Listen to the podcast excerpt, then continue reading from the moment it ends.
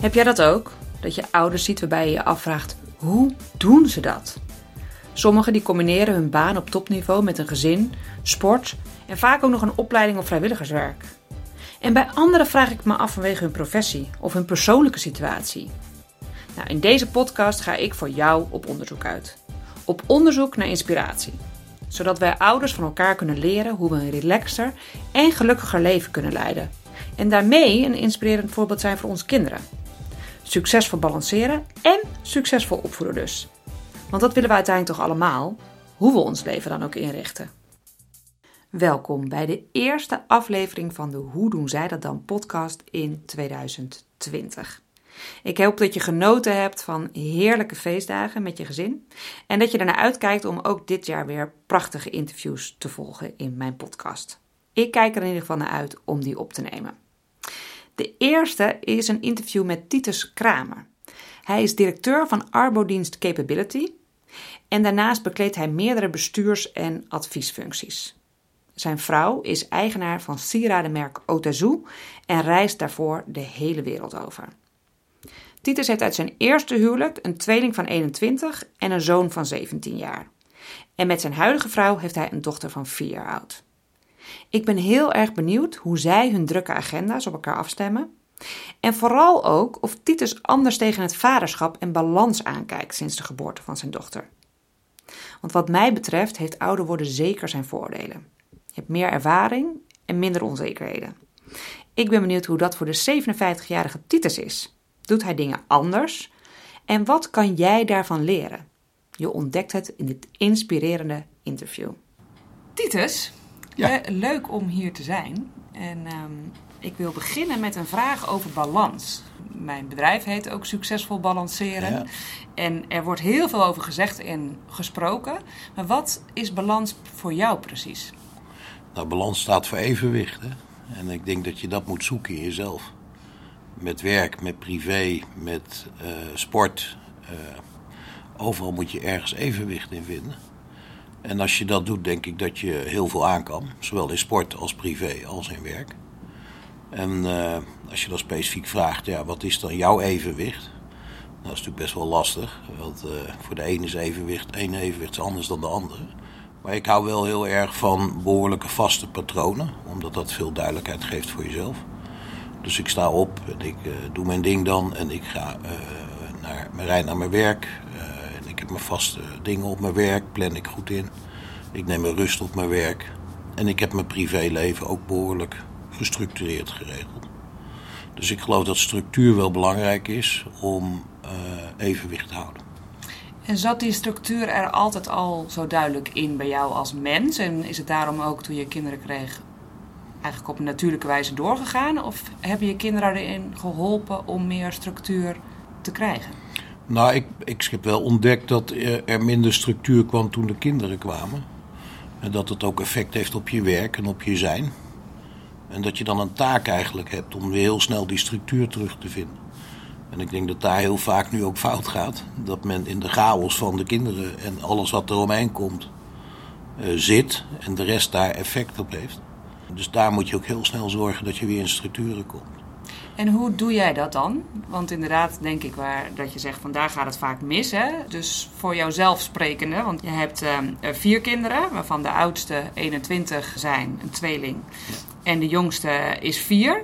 Ja, Dus ik ben benieuwd ook wel van het verschil van destijds Ja. tot nu. ja. Eh, maar ook wel van, ja, toen jouw dochter van vier werd geboren, moest je toen weer opnieuw op zoek naar een structuur? Ja, eigenlijk begint het dan toch weer opnieuw. Eh, je merkt toch dat het heeft impact op je privéleven. Hè, natuurlijk, eh, als er een kind komt, eh, dan zit er in één keer een andere nacht in. En dan zit er weer overdag is ziek. Nou, er gebeuren allemaal dingen. Dan moet je allemaal weer herstructureren. Het voordeel is wel als je iets ouder bent, dat je natuurlijk de ervaring hebt. Dus, dus je begrijpt, weet ook wat de consequenties zijn als je sommige dingen doet. Dus dat geeft wel iets meer rust. Maar je moet wel weer opnieuw optuigen alles, ja.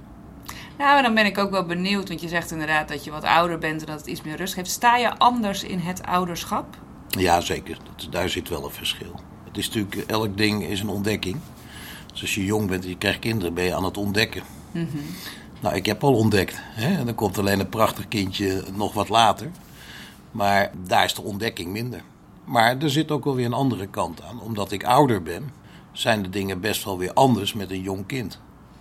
Hè, dus eh, je bent niet meer zo heel erg flexibel in sommige dingen. Daar moet je ook rekening mee houden. En dat heeft eh, ook effect op het kind. Dus daar moet je wel goede afspraken ook met je, met je partner over maken. Hoe je dingen oppakt. Maar het heeft voor mij wel een andere kijk op het leven gegeven.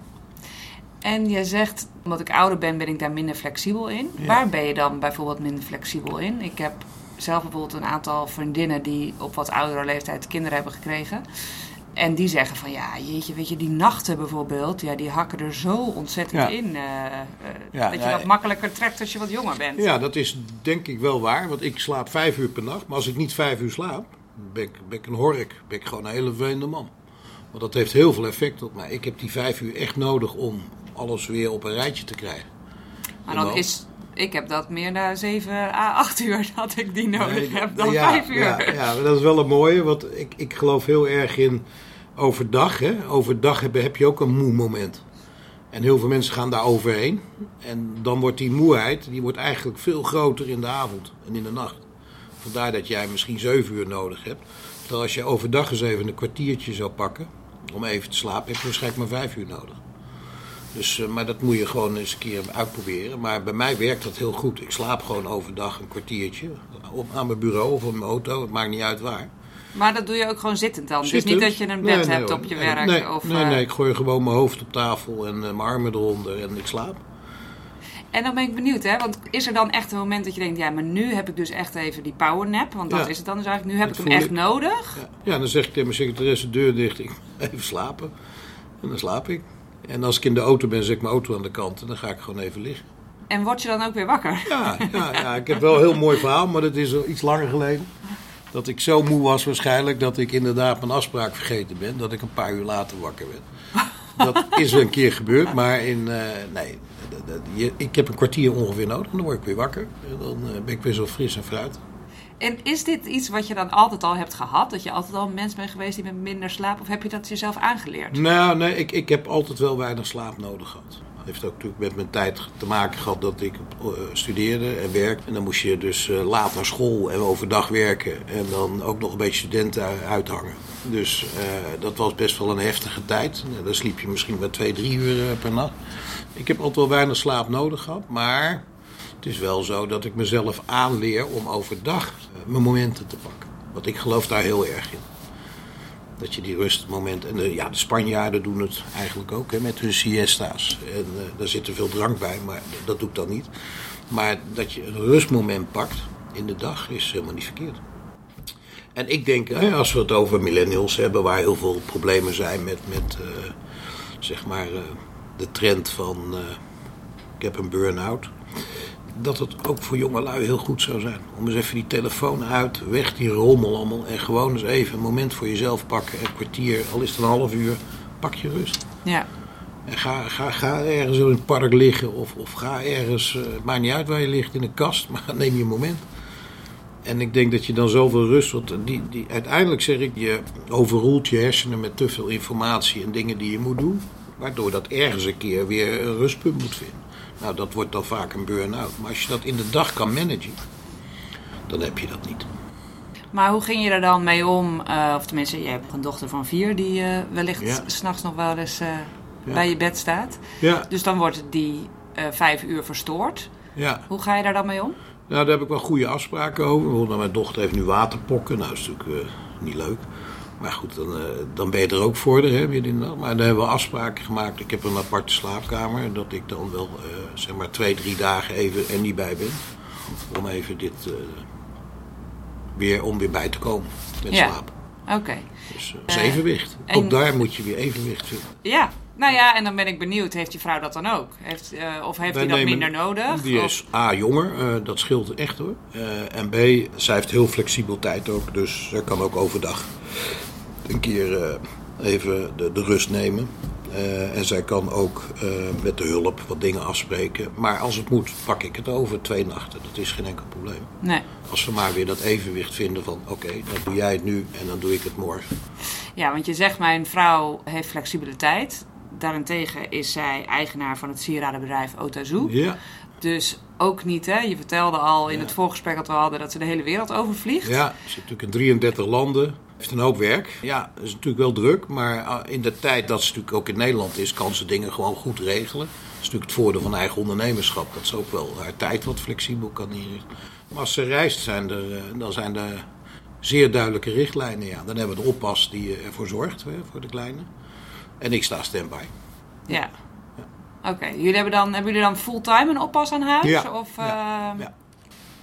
Eh, ja, we hadden in het voorgesprek, en dat, dat intrigeerde me heel erg. Toen vertelde je ook van, we hebben ook het kinderhotel in de buurt waar jullie wonen. ja. Ik had er nog nooit van gehoord, een kinderhotel. Ja, dat zit in Laren en dat is hartstikke leuk. Daar, daar, daar kan je gewoon tijd in kopen. En die tijd die, eh, nou, die is ook nog flexibel. Dus op het moment dat jij eh, in de file staat of je vliegtuig mist of wat dan ook, kan het kind gewoon er blijven. Er zijn ook slaapplekken, wordt voor gekookt. Wordt, eh, dus het is zo, in, in het beginsel ging ze heel veel daar naartoe. En at ze ook daar.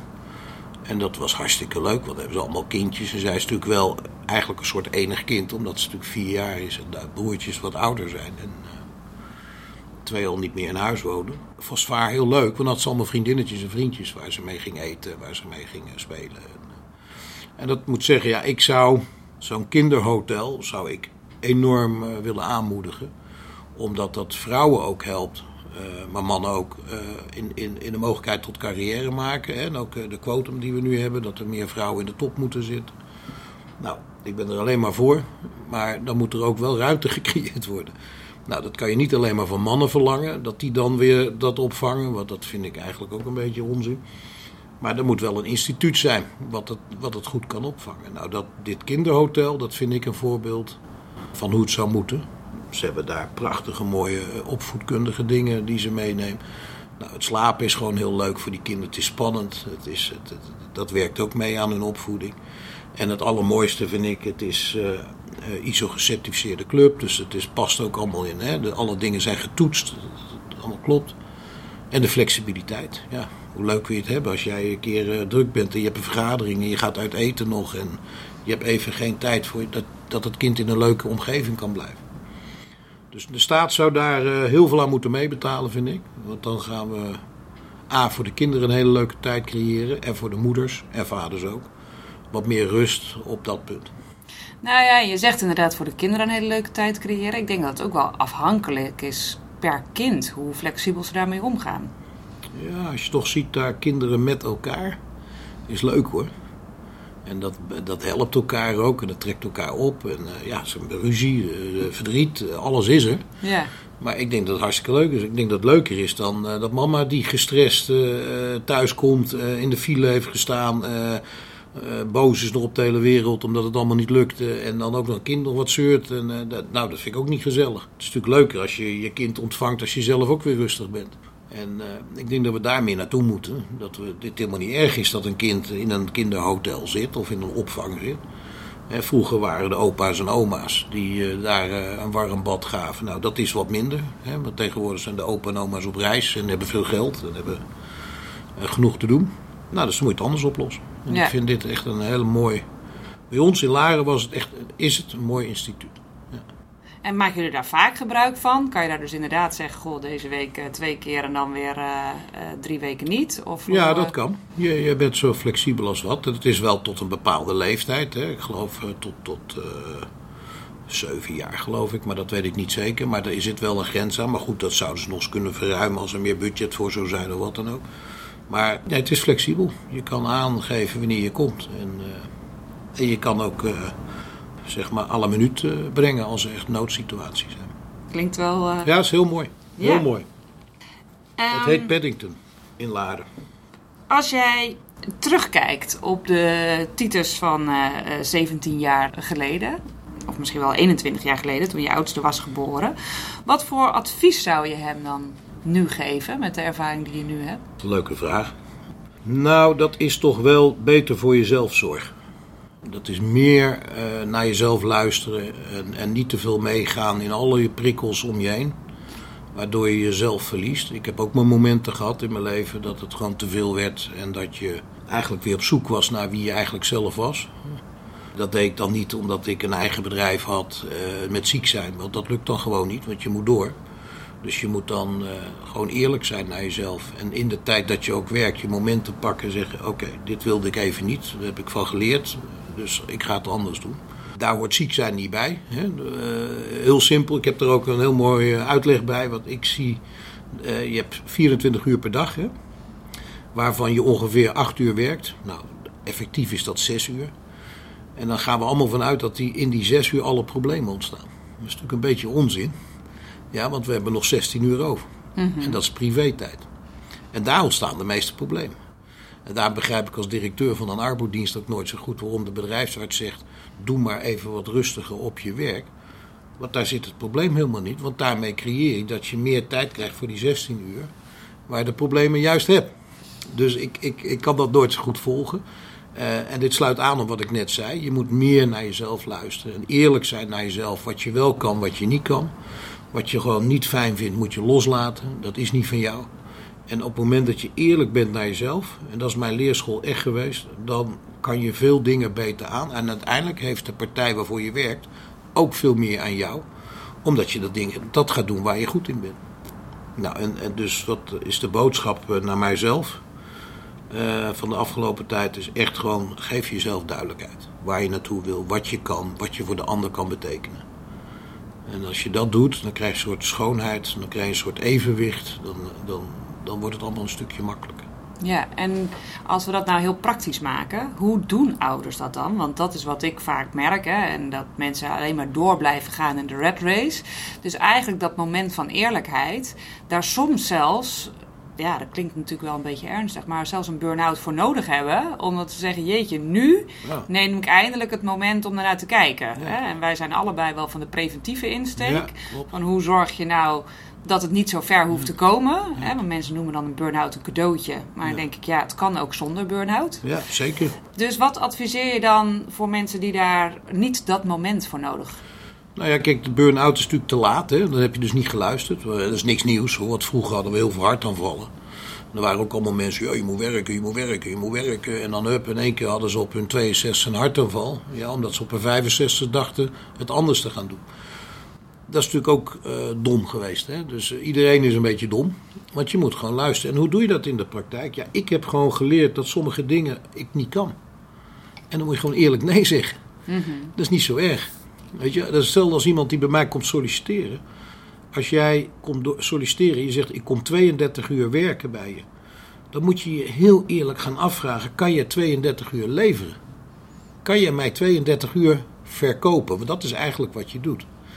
En op het moment dat jouw leven zo ingericht is dat jij die 32 uur niet kan verkopen, omdat er geen opvang is voor de kinderen, als ze ziek worden op school, of als er dingen zijn met je ouders of wat dan ook. En je ontdekt gewoon dat er veel meer dingen spelen in je leven dan alleen werken. Dan moet je ook eerlijk zijn om die 32 uur niet te verkopen. Dan kan je beter 20 uur verkopen. En dan wordt het er misschien 24 als je tijd over hebt. Maar dan heb je ook weer een rustige moment met je werkgever. Want dan kan je gewoon zeggen: ja, luister, ik red dat niet, die 32 uur. Ik maak er 20 uur van. Dan heb je rust, want dan lever je die 20 uur wel. Die 32 uur kon je niet leveren, raak je in de stress. Jeetje, mijn werkgever boos. Nou, ik ga maar mijn ziek melden, want ik kan het toch allemaal niet aan en noem maar op. Nou, daar, in dat soort processen moet je niet terechtkomen. Even op jouw vraag, burn-out. Ja, kijk, burn-out is een optelsom van heel veel dingen. Het is gewoon, uh, ja, elke keer niet luisteren naar jezelf. En toch maar dingen doen en maar blijven doen. En dan hebben we ook nog die telefoons die nog de hele dag die prikkels geven. En dan moet er ook nog goed uitzien en je moet dit en dat ja, eigenlijk terug wat ik net zei. Eerlijk zijn naar jezelf en zeg gewoon eens, joh, dit kan ik niet. Dit doe ik niet. Dit mag ik niet van mezelf. En als je jezelf op nummer 1 zet en de rest op nummer 2, 3, 4, 5, 6, 7, dan zou je zien dat burn-out niet meer nodig is. Uh, makkelijker gezegd dan gedaan. Maar begin maar gewoon eens met een dag, een uur alleen voor jezelf. Ja, en ga maar eens in een bos lopen. En zonder die telefoon. En, en laat alles maar eens op je afkomen je verdriet, je pijn, je, je boosheid. Het is heerlijk om in een uur te verwerken. En dan zou je zien dat heel veel dingen alweer makkelijker gaan. En dan een taak om het niet meer binnen te laten komen. Want anders blijf je aan het bos lopen. Ja. Dus je moet wel zorgen dat je daarna ook de sluisdeurtjes dicht zet. En uh, ja, dan denk ik dat je een stuk leuker en makkelijker leeft. Mooie duidelijke tip en denk ik nog wel een uitdaging voor heel wat mensen. Ja, maar laat die uitdaging leuk zijn. Ja. Weet je, dit werkt ook niet. Nee. Dus, dus, dus welk alternatief heb je? En wat ik heel belangrijk vind is, bespreek het heel goed met je werkgever. Het mag, weet je, het mag er zijn. Het is helemaal niet erg, ja, als je er maar wel wat aan doet. Er is geen werkgever die boos op jou wordt als je vertelt van... joh, ik heb even wat ruimte nodig om wat dingen te doen, want ik krijg het niet helemaal goed op de rit op dit moment en ik ben bang dat ik uitval. Nou, als je dat durft tegen je werkgever durft te zeggen, zijn er allemaal leuke hulptroepen en, en eh, nou, coaches zoals jij... Ja, die waanzinnige hulp kunnen bieden om juist te voorkomen dat je uitvalt. Ja. ja, want dat vind ik wel interessant. Want meestal praat ik met mijn gasten niet inhoudelijk over werk. Maar jij bent directeur van Capability, een Arbo-dienst die zich onderscheidt met eh, een focus op duurzame inzetbaarheid en vitaliteit. Ja. Ja, ik vind dus dat dat echt nog veel te weinig gebeurt. Hè? Die, die focus op het preventieve. En de cijfers laten dat ook zien. Hè? Laatst las ik dat er in 2017 8100 euro verzuimkosten waren per werknemer. Ten opzichte van 1100 euro training die er wordt geïnvesteerd. Hoe denk jij hierover richting werkende ouders? Is er voldoende aandacht voor deze specifieke doelgroep? Ja, nou, er is denk ik te weinig aandacht, maar het, er spelen een paar dingen. Je hebt eerst de verantwoordelijkheid voor jezelf, hè? daar hebben we het over gehad. Hè, dus, dus, en ik vind, eh, als je kijkt naar alle vitaliteitsprogramma's, dat is heel erg van ik mag die hamburger niet meer eten en ik mag, eh, en ik mag geen chips meer eten. En, nou, dat, vind ik geen vitaliteit, dat noem ik betutteling.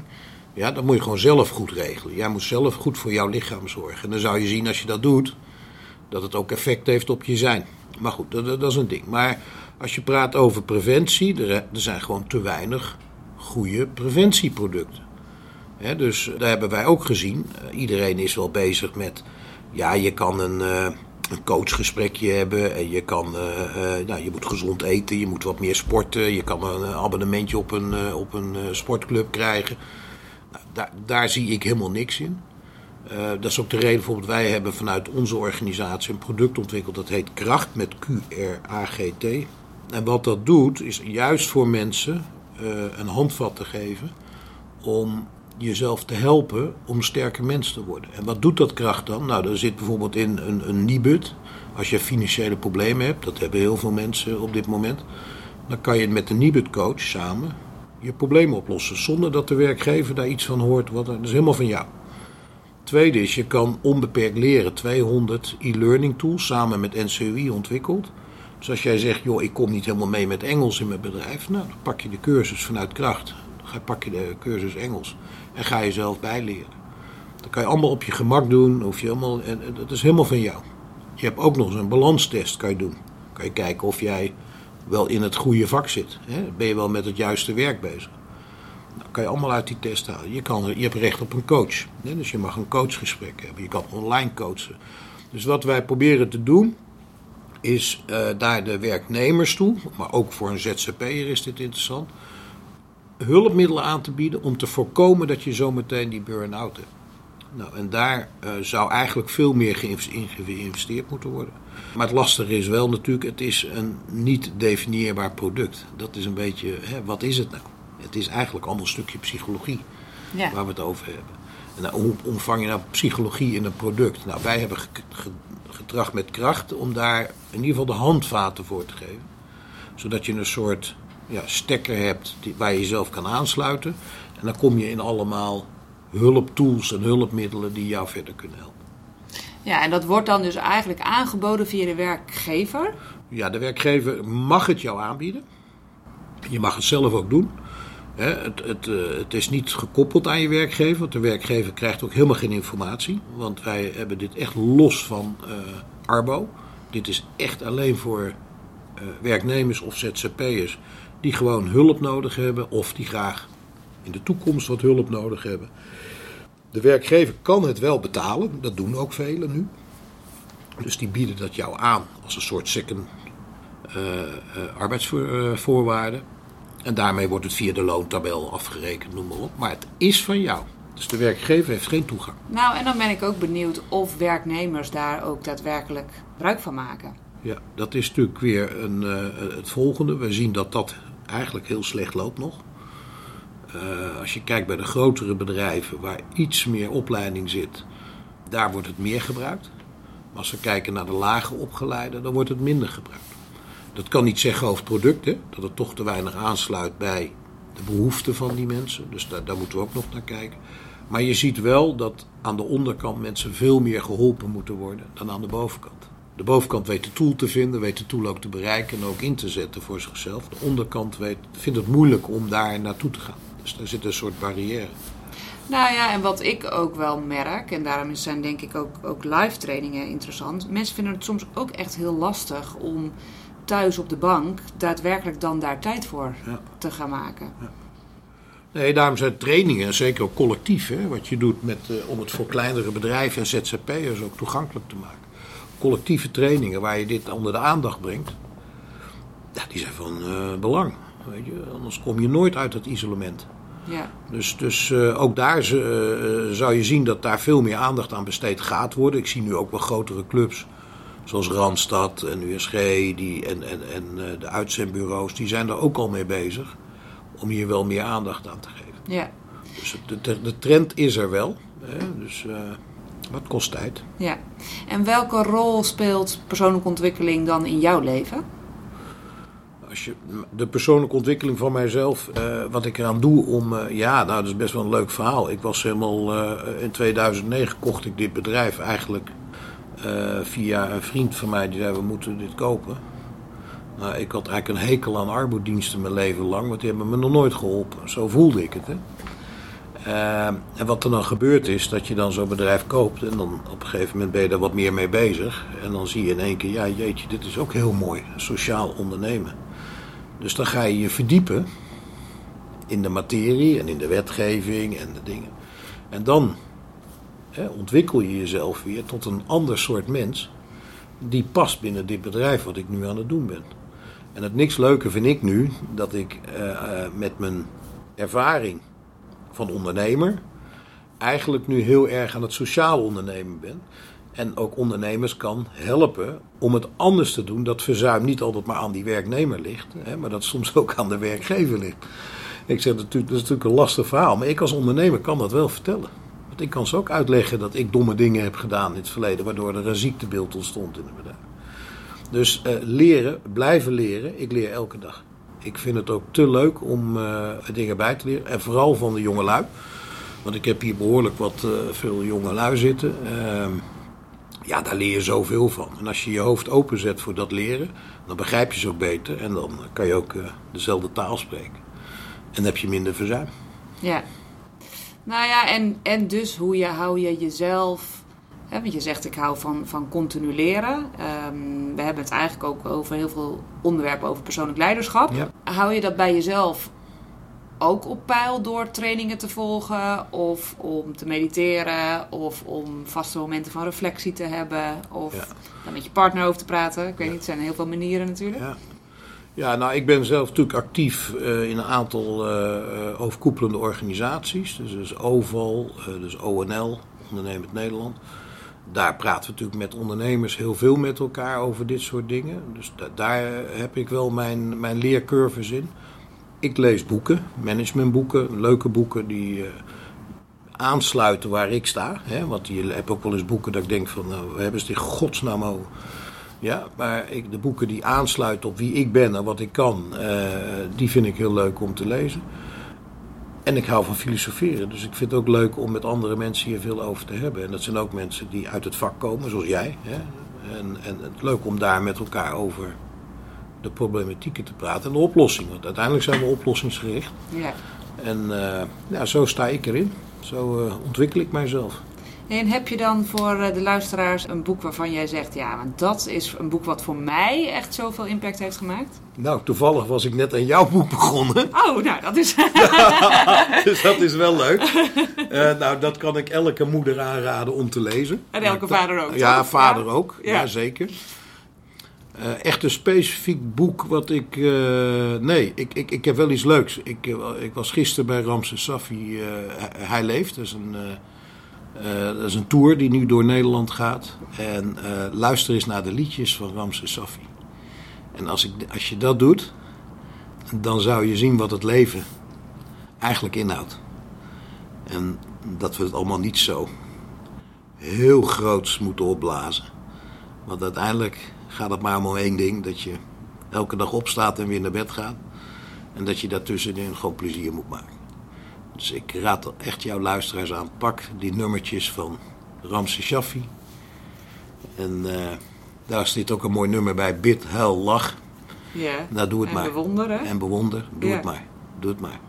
En dan eh, denk ik, als je naar die muziek mag en kan luisteren voor jezelf, komt er heel veel informatie binnen.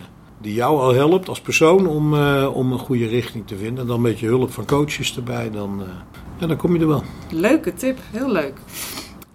Ik wil nog eventjes terug naar het moment van dat jouw oudere, eh, nu oudere kinderen wat jonger waren. Want je hebt mij verteld dat eh, je toen ook echt een aantal jaren bent gestopt met werken. Ja. ja, toen de kinderen geboren werden, had ik de luxe dat ik een van mijn bedrijven verkocht had. En toen ben ik in Spanje gaan wonen. Daar heb ik ze ook echt eh, leren fietsen, zwemmen. Echte tijd gehad. Eh, een mooie tijd voor met kinderen, want je bent echt eh, betrokken. Je doet eigenlijk alles met ze. Qua werk was het niet zo handig, omdat je toch wel te jong uit, eh, uit het systeem stapt. Eh, en je ontmoet daar alleen maar mensen die al eh, rijk zijn en wat ouder zijn. En dan kom je gauw in de lunch- en de dinermomenten. Voor je inspiratie en zo was het niet zo heel goed. Maar als je kijkt naar de tijd die ik met mijn kinderen heb kunnen doorbrengen, die, vooral die eerste vier jaar, vijf jaar, ja, dat was fantastisch. Dus ik hoor jou aan de ene kant zeggen van nou voor mijn carrière was het wellicht niet zo goed. Het was voor met mijn tijd met de kinderen wel goed. Ja. Is het dan iets wat je wel zou aanraden aan ouders? Nee, nee, nee ondanks dat je voor je, hè, met je kinderen heel veel doet, hè, ben je ook te veel met de kinderen. Want ik, hè, wat ik net ook gezegd heb, zo'n kinderhotel is heel goed dat ze andere kinderen ontmoeten. Dus ik vind, eh, ja, het is leuk om hè, genoegdoening voor jezelf, dat je goede papa bent, is natuurlijk fantastisch. Maar het is eh, eh, in, in, weer terugkomen op jouw eerste vraag: evenwicht, hè, balans vinden. Dit was geen juiste balans. En eh, je moet ook werken namelijk. Ook al ben je, heb je genoeg geld, je moet blijven werken. Want werken biedt jou ook weer allemaal input. En, en kijk op het leven, wat je weer aan je kinderen kan doorgeven. Mensen ontmoeten tijdens je werk is ook allemaal weer input, wat je ook weer aan je kinderen kan meegeven. Dus je moet blijven werken, je moet kinderen opvoeden, je moet de balans vinden, je moet in evenwicht zijn. Dat is het verhaal. Ja. Dus het is bij jou ook een bewuste keuze om dat nu bij jouw dochter niet opnieuw bijvoorbeeld Nee. een jaar te stoppen. Nee, en, nee, eh, heb ik echt bewust voor gekozen. Want ik heb er natuurlijk wel over nagedacht. We hebben nog een huis in het buitenland. Om daar een tijd te gaan zitten, maar eh, nee. En voor jouw vrouw, denkt die er op hetzelfde? Nee, die wil werken. Die vindt werken zo leuk. En eh, die vindt bezig zijn leuk. En die vindt de combinatie ook leuk. Dus die, nee, die eh, wil zeker niet eh, in een vakantiehuis eh, lunchen en dineren. Nee. Nee. Ehm, wat vind jij cruciaal in de opvoeding van je kinderen? Wat je ze mee wil geven? Ja, eigenlijk heel ouderwets. Een beetje normen en waarden. Vind ik gewoon heel belangrijk. Ik heb laatst eh, stond ik in de Telegraaf met een artikel. Ik zou zo graag eens willen dat er weer wat meer discipline kwam. Eh, dus, en daar was natuurlijk vroeger het leger voor. Eh, ik zeg niet dat het ouderwetse leger weer terug moet komen, maar misschien wel eens een verplicht jaar.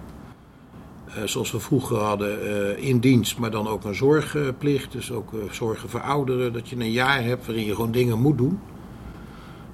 Waardoor je wat meer verbonden bent toch met die maatschappij. We worden allemaal een stukje ouder, dus uiteindelijk hè, is het goed als je een jong kind ook ziet waar ouderen zijn. En dat je elkaar een beetje meer respecteert. Ook ouderen die wat meer respect voor jongeren hebben. Dus ja, normen en waarden, eh, discipline eh, vind ik heel belangrijk. Ja, en een hele oude, ja, ik vind de hiërarchie heb ontzag voor de ouder. Dat vind ik wel een heel belangrijk ding eh, in het leven. Eh, dus dat wil ik, zou ik wel mooi vinden als dat eens wat meer terugkwam. In zijn algemeenheid, dat Ja. meer terug zou komen. Ja, vind ik wel. Want vind je dan dat we te veel als ouders onszelf en het kind op hetzelfde level zetten? Ja, het is broer-zus verhoudingen, dat zie je gewoon. Dat is eh, de ruimte, hè, die al, eh, dat irriteert mij ook mateloos. Dat is op scholen bijvoorbeeld. Ja, als er iets is met het kind, komen papa en mama mee. En die gaan zich ermee bemoeien. Ja, wat een onzin. Die leraar die heeft bepaald dat het kind niet luistert. Nou, en daar zijn de regels van de school voor. En dan heb je aan te houden. Punt uit. En vader en moeder opdonderen. Je hebt helemaal niks over te zeggen. Tegelijkertijd geeft die school ook op hun donder. Want tegenwoordig moeten papa en mama's overal bij betrokken worden. Of het nou uh, schoonmaak is van de klas, uh, daar heb je schoonmaakbedrijf voor. Uh, dat is Sinterklaas, dat is met kerst. Ik moet kookmoment, ik heb een oudermoment, ik heb een zingmoment. Ik weet niet wat ik allemaal moet doen. Het is natuurlijk onzin. Weet je, ouders die moeten gewoon lekker werken. Ja, de school is juist bedacht om kinderen de vrijheid te geven dat ze niet de hele dag met die ouders zijn. Ja, het is voor die kinderen feest om een keer niet bij hun ouders te zijn. Eh, daarvoor is school ook bedoeld. Leren en zelfstandig worden. Nou, dan vind ik het niet zo handig dat scholen en ouders er soms zo in staan. Dus scheiding van school en ouder vind ik een belangrijk onderdeel. We hadden het erover dat jouw vrouw een drukke baan heeft en heel de wereld overgaat. Jij hebt zelf niet een heel rustig leven volgens mij. Dus hoe zorg je dat je relatie niet het sluitstuk wordt en dat je continu langs elkaar heen leeft? Eigenlijk ook weer balans en evenwicht. Uh, wij spreken met elkaar hele duidelijke dingen af. Ik hou van het verrassingseffect, dus ik doe ook af en toe uh, nou, dat het koffertje klaar moet staan en dat we even weggaan. Dat is belangrijk. Je moet de momenten wel pakken met elkaar, elkaar leuk blijven vinden, spannend houden.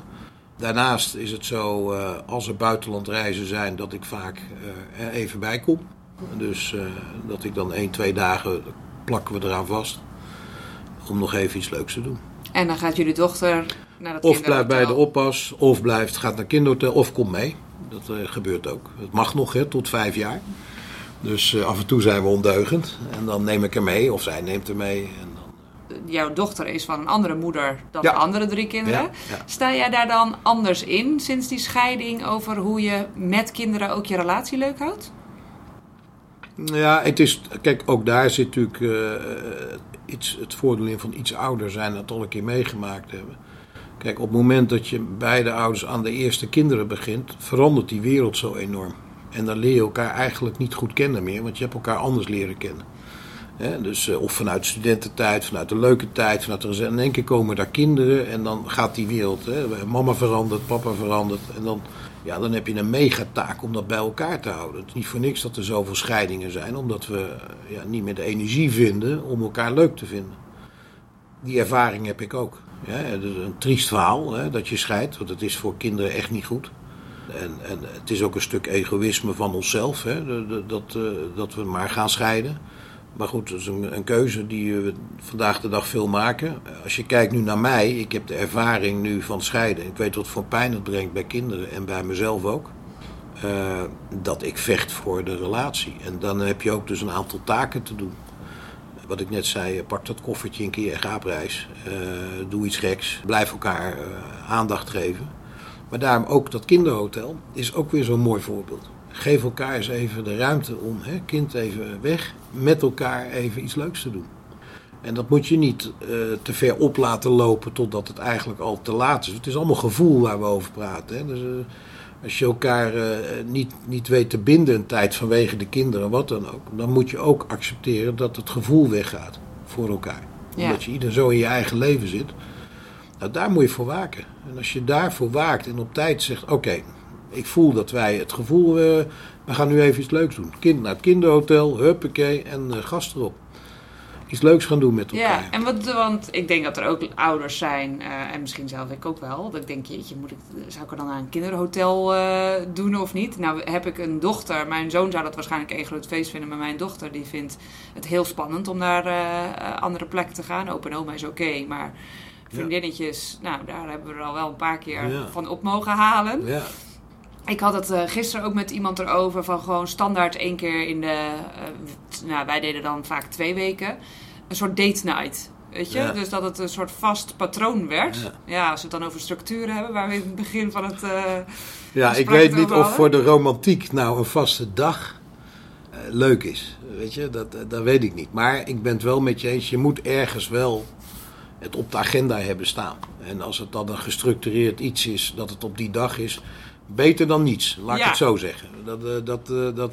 Nou ja, ik denk dat het soms ook inderdaad van... We, we willen graag dat het allemaal spontaan komt. Ja. Maar dan, als we dan willen dat het spontaan komt... komt het er dus uiteindelijk vaak niet van. Nee. Dus dan maar gestructureerd. Ja, ja. ja dus, uh, nou ja en iedereen, is, iedereen zijn eigen weg natuurlijk. Hè? Dat is het. Maar misschien gestructureerd en.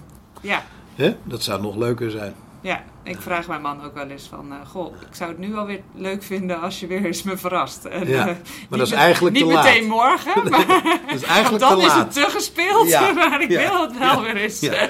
ja, en ook daar verschillen mannen en vrouwen natuurlijk weer in. Maar daar, dat is nou wel leuk wat jij zegt. Kijk, voor mannen is dit eigenlijk een soort uh, van, ja, wat een gezeik, wat een geneuzel. Hè? Een beetje zo verhaal. Maar dat moet juist je prikkel zijn. Want het gaat er juist om. Je moet weten dat je vrouw zo voelt en denkt. Ja. Ja, en als je dat invult, ja, hallo, kassa. Ja? Dus het is ook, ja, de bewustwording van waar je staat, wat je aan het doen bent, is zo belangrijk. En dat je daar wat meer tijd voor neemt, voor jezelf. Ja. Om na te denken, wat ga ik nu doen met mijn relatie? En dan komen we eigenlijk terug op alle andere onderwerpen waar we het over hebben. We hebben zoveel. Hè? En, en, en ik vind de jongelui hebben tegenwoordig nog veel meer dan wij vroeger hadden hoor. Dat meen ik echt. Dat klinkt een beetje oudbollig, maar dat is gewoon zo. Uh, tegenwoordig moeten ze allemaal hogescholen, MBA's, ze moeten masters, ze moeten. Ik weet niet waar je allemaal moet. Het is te veel. Dus ga strepen. Ja.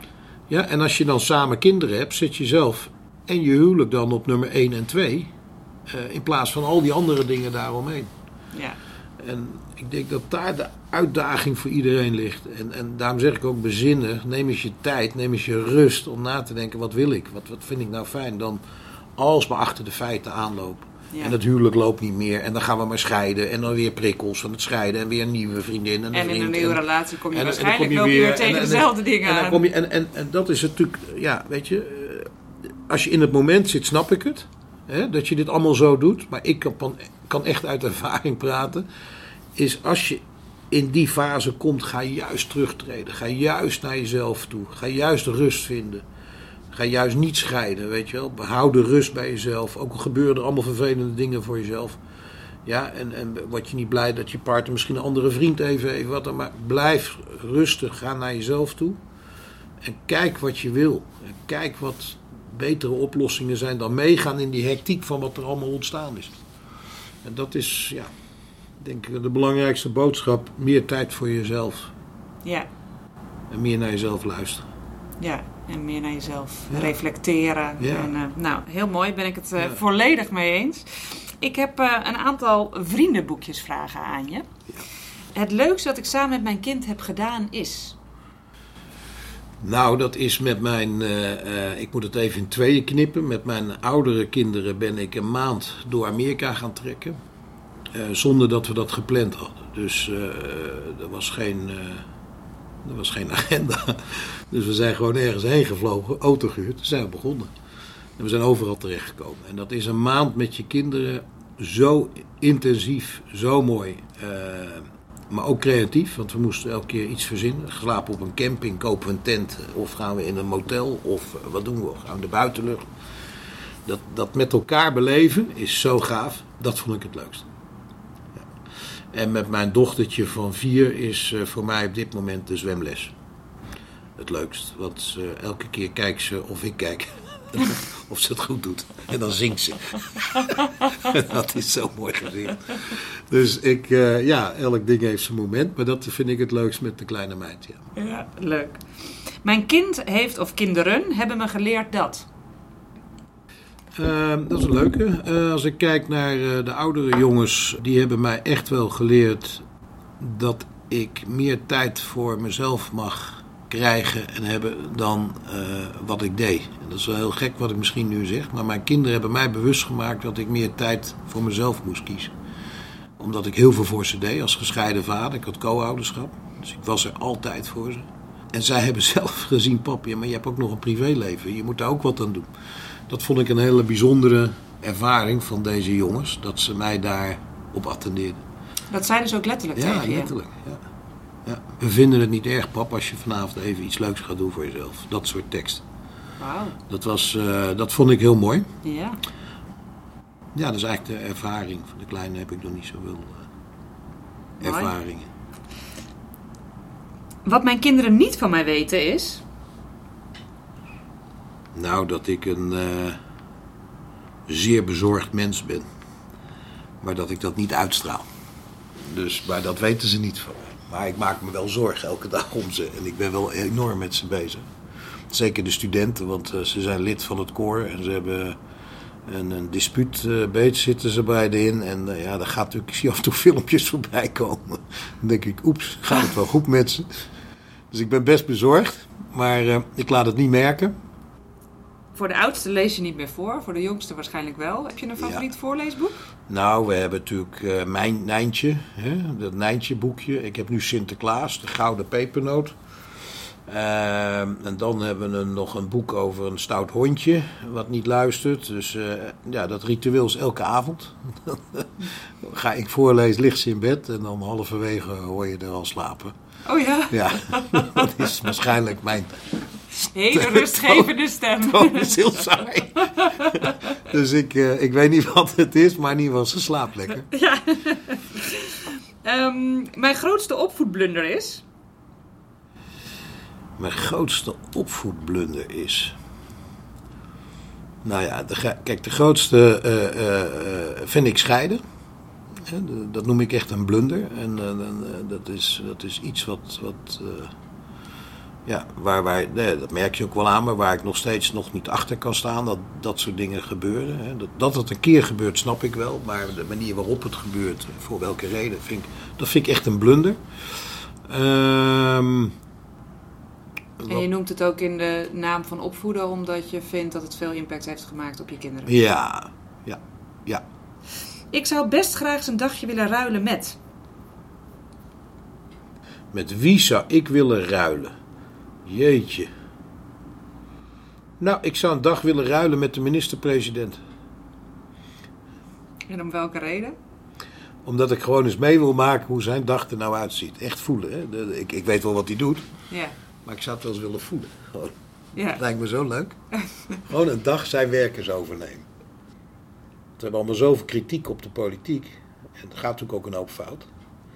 Maar het lijkt me ook de meest moeilijke klus die er bestaat. Ja, dat denk ik ook, ja. En dan denk ik, jeetje Mina, wees blij dat er mensen zijn die dit willen doen voor ons. Hè, om je kan het ook eigenlijk bijna nooit goed doen, hè? Want doe je het voor de een goed, doe je het voor de ander fout, ja, weet je? dus het is ook inderdaad ja, echt bijna een onmogelijke opgave. En als jij in een ministerie komt waar je de baas van wordt als minister... en er zijn een voorganger geweest, heeft allemaal fouten gemaakt... dan gaat jouw kop op het hak blokken. Ja. Ja, daar begrijp ik ook niks van. Nee. Ik kan er niet in staan wat het verleden gedaan heeft. Ik wil naar de toekomst toe goede dingen doen. Ja. Maar goed, dus, uh, maar als je vraagt van, uh, ja, ik zou wel eens minister-president willen zijn voor een dag hoor. Voor een dag, niet langer. niet langer. hey, is er een vraag die ik niet heb gesteld en wel had moeten stellen? Of iets anders wat je nog kwijt wil aan, uh, aan de luisteraars? Nou, het, het, wat ik, wat ik dat is natuurlijk wel een beetje in jouw richting, maar wat ik wel van belang vind is, en, en we hebben het er wel over gehad, is dat ik zeg, joh, probeer sneller hulp te vinden als je echt voelt dat dingen niet goed gaan. En ben niet bang, weet je wel. We hebben tegenwoordig allemaal mooie instituten en coaches en, en, en, en, en mogelijkheden om hulp te halen. En ik, uh, uh, ja, ik zou heel erg fijn vinden als we met elkaar kunnen voorkomen dat we uh, ziek melden. Of dat er scheidingen komen of wat dan ook veel meer voorkomen. En dat kan je doen door hulp te halen bij mensen die erin gespecialiseerd zijn, die ervaring hebben met dingen. En ik zou het zo mooi vinden als we daar meer de weg naartoe vinden. En dat de overheid daar ook eens wat meer voor zou doen. Uh, want ik vind het een sociaal aspect. Hè? We, lopen vast. Dus nou, hoe, hoe, kunnen we nou voorkomen dat we niet vastlopen? Nou, als je dat wat meer vanuit de overheid ook uh, geholpen kan worden, dat het niet ook direct altijd in je eigen portemonnee voelbaar is uh, voor 100%. Dat zou ik heel mooi vinden. Dus mijn wens is dat er heel veel goede coaches komen die de toegang, waar makkelijk toegang toe te krijgen is. Ja. en denk je dan ook niet dat het als aanvulling daarop de taboe er een beetje vanaf mag? Ja. Want ik vind zelf soms nog wel, um, en nou is het natuurlijk al wel een hele tijd geleden dat ik echt begon met persoonlijke ontwikkeling. Maar als ik dan zei dat ik trainingen ja. volgde, dan kreeg ik dan echt, oh, hoezo? Loopt, loopt het niet lekker bij ja. je dan? Weet je wel? En dat ik dacht, ja, wel, maar het kan altijd mooier, ja. beter. Uh, en, en ik heb altijd mezelf te ontwikkelen als mens. Maar dan denk ik, waarom zit er dus toch nog steeds zo'n taboe op dat je dat eigenlijk pas gaat doen als je dus inderdaad of in een scheiding of in een burn-out of echt te dat laat. je denkt, jeetje, nou kan ik echt niet meer, dat je er dan pas aan gaat ja, beginnen. Te laat. Ja. Ja, het, het zit niet in je hoofd. Het is ook weer terugkomend wat ik eerder zei. Als je niet tijd voor jezelf neemt, kan je dit onderwerp ook niet op je agenda krijgen. Nee. Dus als jij niet eh, door dat uur door dat bos gaat lopen en ontdekt, joh, ik ben niet blij, ik ben niet gelukkig. Ja, en je geeft jezelf dan niet de ruimte, kijk, ik ga er even iemand bij halen, zoeken, die mij hier weer structuur in kan geven. Als je die tijd al jezelf al niet geeft om daarover na te denken, ja, ontstaat alles in een chaos en, en donder je af eh, in het ravijn. Eh, en dan pas na dat ravijn ga je weer nadenken eh, van, oh jee, nou heb ik hulp nodig, want ik weet het niet meer. Is te laat. Ja, de weg ernaartoe moet eerder zijn. Ja, en denk je dan dan, hè, want in principe eh, is het natuurlijk ook een persoon zijn eigen verantwoordelijkheid. Daarentegen als werkgever eh, heb je er wel de lasten van, hè, als we het net hebben Ja, over klopt. dat de verzuimkosten 8100 euro per medewerker zijn. Dus zou je daar als, mede, als werkgever dan meer een rol in kunnen? Ja, ja, ik vind dat- is om die rol te Ja, pakken? ja. Nou ja, kijk ook naar de schaarste op de arbeidsmarkt. Waarin we, en, en mensen met hè, specifieke eh, kennis van, eh, van eh, materie. is het behouden van werknemers natuurlijk een must. Voor werkgevers gezien. Dus dat werkgevers meer moeten investeren in preventie. In ieder geval de hulpmiddelen aan moeten. Dat vind ik een. Dat, ja, dat is alleen al redding voor jezelf als werkgever. Dus eh, ja, zeker. Eh, je ziet ook wel nu dat het meer komt. Hè? Want er komt nu op die eh, bonusstructuren komt veel meer te staan. Wat heb je gedaan aan sociaal beleid? Wat heb je aan preventie gedaan? Dus je wordt zometeen niet meer beloond als CEO vanwege je mega winst en, en omzet. Nee, je wordt ook beloond of jij aan die andere dingen invulling hebt gegeven. Dus je ziet daar al een, een verandering. Ehm, maar even terug naar het individu. Kijk, je kan niet alles op die werkgever gaan gooien. Je moet zelf ook, hè, dat is de reden waarom wij over dat kracht eh, begonnen zijn. Dat is voor jou. Pak het op. Je hebt daar een aansluiting naar iedereen die, die je maar nodig hebt. Eh, doe er wat mee. Weet je wel? Ook jouw verantwoordelijkheid. En op het moment dat je dat doet en een beetje hulp van je werkgever, ja, dan kom je er wel. Ja, mooi om mee af te sluiten, denk ik. Ja. Dankjewel voor dit gesprek. Leuk, dank je. Fijn om mensen te ontmoeten die op dezelfde manier denken over preventie. En helaas zien bedrijven, trainingen, coaching of programma's zoals Kracht nog vaak als een kostenpost, terwijl het uiteindelijk juist winst oplevert.